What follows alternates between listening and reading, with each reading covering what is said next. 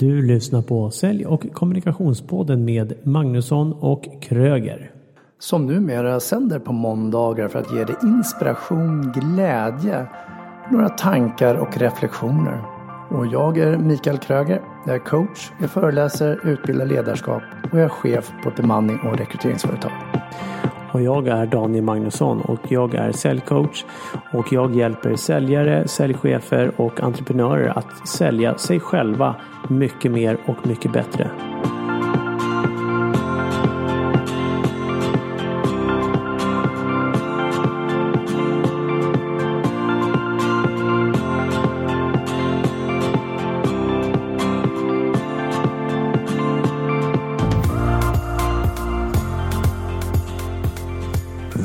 Välkomna till avsnitt 51. Och eh, vad är det som händer när det är kaos i Stockholm? Jag är Mikael Kröger. Och jag är Daniel Magnusson. Jag tänker på det här, eh, för några veckor sedan så var det ju ett val i USA. Mellan Bad Hair Day och Hillary Clinton och Bad Hair Day vann. Och just den dagen på morgonen när jag vaknar innan valet avgjort så har det dundrat ner decimetervis med snö. Och första anblicken så blev jag väldigt glad för det är vitt ute, det är vackert och det snöade fortfarande. Och på väg till jobbet så inser jag vad halt, oplogat, svårt, kaos i kollektivtrafiken. Bussarna gick inte, tunnelbanan kom när den kom och pendeltågen hade problem. Vad är det som händer Daniel när vi hamnar i sån här kaotiskt tillstånd? Stockholm lamslås. Ja, det kan man undra. Det blir, eh, det blir verkligen kaos. Folk börjar eh, skylla på God's business och skyller på vädret och ojar sig över vädret och lägger all energi på det tillsammans med eh, all energi som var på Donald Trump den dagen också skulle jag säga. Ja, väldigt mycket energi på honom som han sedermera vann valet också. Mm, exakt. Eh, det, det är fascinerande tycker jag att folk blir så engagerade i vädret och dess kaos. Och jag vet inte, det går inte att göra så mycket åt. Nej, jag hade en kollega på jobbet som flög in från Halmstad, blev försenad för att Bromma hade problem att ta emot eh, eh, planen eftersom de inte då kunde, eller då hann väl inte skotta. Eh, jag har en annan handledarkollega som skulle resa, om det var en eller två dagar efter, så fick ett meddelande från SAS att det planet kommer vara en timme försenat. Och då blir det så här, men oj, vad händer då? Hur vet de det redan innan? Två dagar innan alltså? Ja, å andra sidan så hade de eh, datastrul också om det nu är så eller inte. Men det är fascinerande hur, hur det blir totalt stopp allting och, och folk har inte lagt på sina vinterdäck och det är halt på spåren och vi är inte förberedda på det här. Men det är ju ingen överraskning. Jag menar snön kommer ju förr eller senare. Nu råkar den komma ja, ganska tidigt jämförelsevis med några år tillbaks. Mm. Men vad är problemet? Det blir samma sak varje gång. Vi tar inte lärdom verkar det som. Han bara, surprise God's business. Jag gick upp den morgonen och jag minns den så väl. Jag tog en kaffe och så tittade jag ut. Jag hade ljusen tända. Det var otroligt vackert ute. Och sen klädde jag på mig. Eh, absolut hade jag fel skor för de var hala och de var låga. Eh, men så kom jag ut utanför porten och där det är snö och så tänkte jag. Nej, så här kan det inte vara. Så jag går ner i källaren och hämtar skyffel och så skottar jag utanför våran port och i våran eh, förening och så skottar jag en gång också till soptunnan för jag tänkte om nu folk vill slänga soporna så blir det enklare att gå dit. Eh, istället för att vi ska slänga dem tvärs över gatan eller inte vet jag, man, man tar enkla easy way out. Och sen strosar iväg till jobbet glad i hågen liksom. Men just det här som händer på Facebook, sociala medier och folk kommenterar, gnäller eh, ringer in, säger jag är försenad till jobbet. Jag bara, ja, och? Jag menar, det, det är väl ingen stor sak. Shit happens. Mm. Ska vi åberopa force majeure i avtalen och säga att vi fick snö i Stockholm? Ja, och du som, som uh, ursprunglig norrlänning, vad tycker du om alla stockholmare? Är det fjollträsk nu eller? Mm, bra fråga. Jag blir också lite överraskad när snön kommer för jag hinner inte ta fram mina vinterkängor.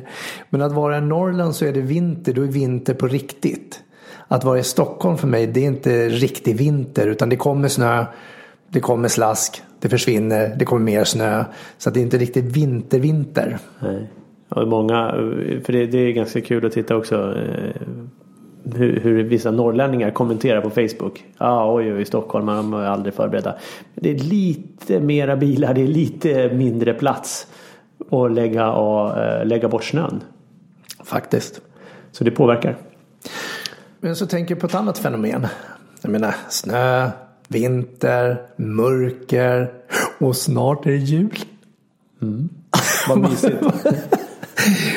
och då börjar det om igen. Jag kommer ihåg eh, några av våra första avsnitt här när vi pratade om det här med julångest och konflikter i familjen och alla dessa måsten. Och, och vet du vad häftigt är? Det är inte så himla många veckor kvar. Det börjar om igen.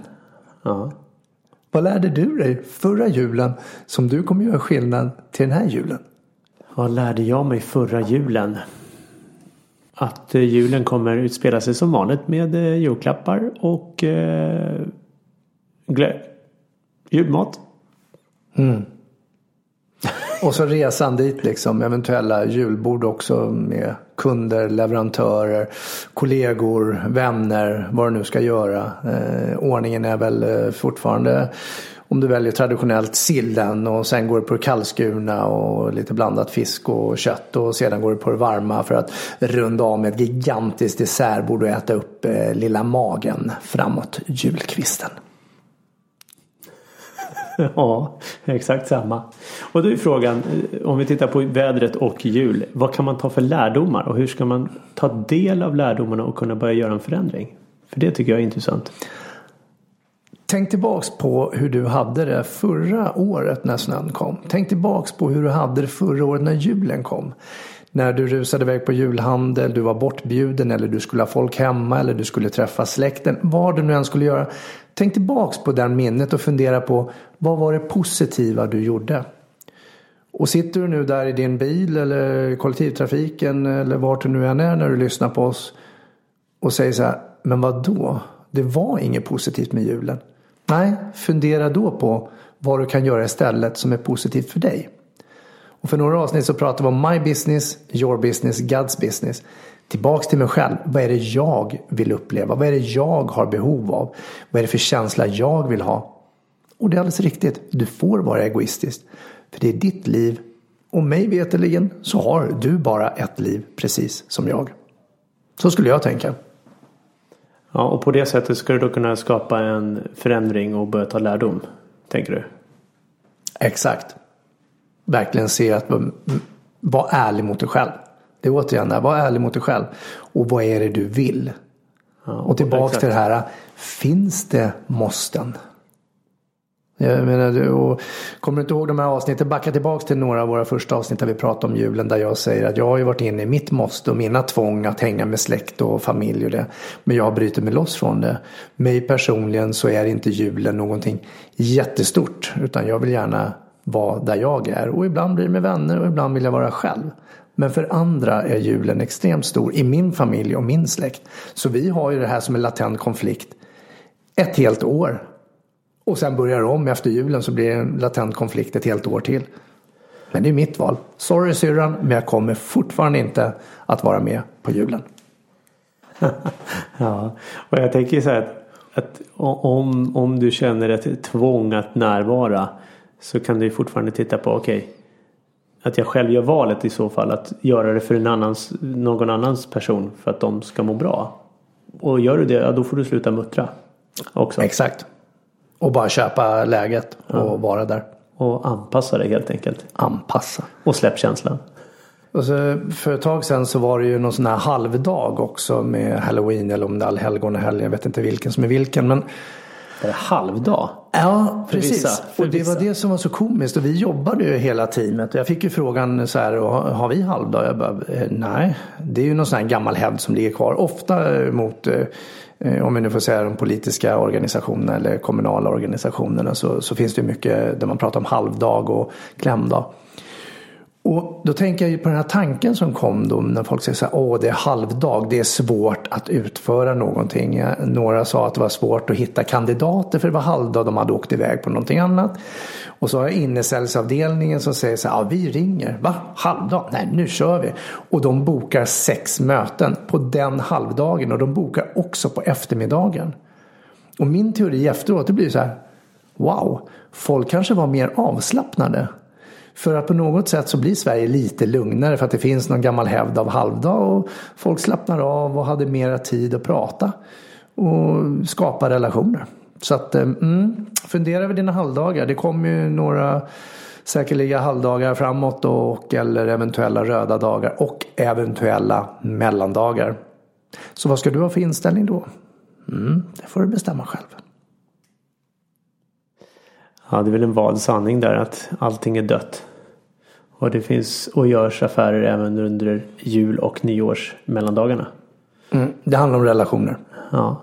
Så med andra ord, vi har pratat om ett lamslaget Stockholm. Vi har pratat om halvdagar. Vi har pratat om ta ansvar för dig själv. Och så Daniel. Trump. Ska vi lägga i? Det räcker med honom tycker jag. Ja. Vi kommer dras med honom i fyra år. Ja, och jag lyssnade på hans tal då när han eh, här den eh, 9 november för ett tag sedan. Så, så i början var han ju trevlig och så tackade han ju Hillary och så bla bla bla bla. Och sen säger han så här, ja nu ska vi göra det här ett par år eller fyra år tillsammans. Eller eventuellt kanske åtta år. Och då började jag skratta för mig själv och så tänkte jag åtta år. Gubben är 70 bast. Eh, han hinner bli 78 år.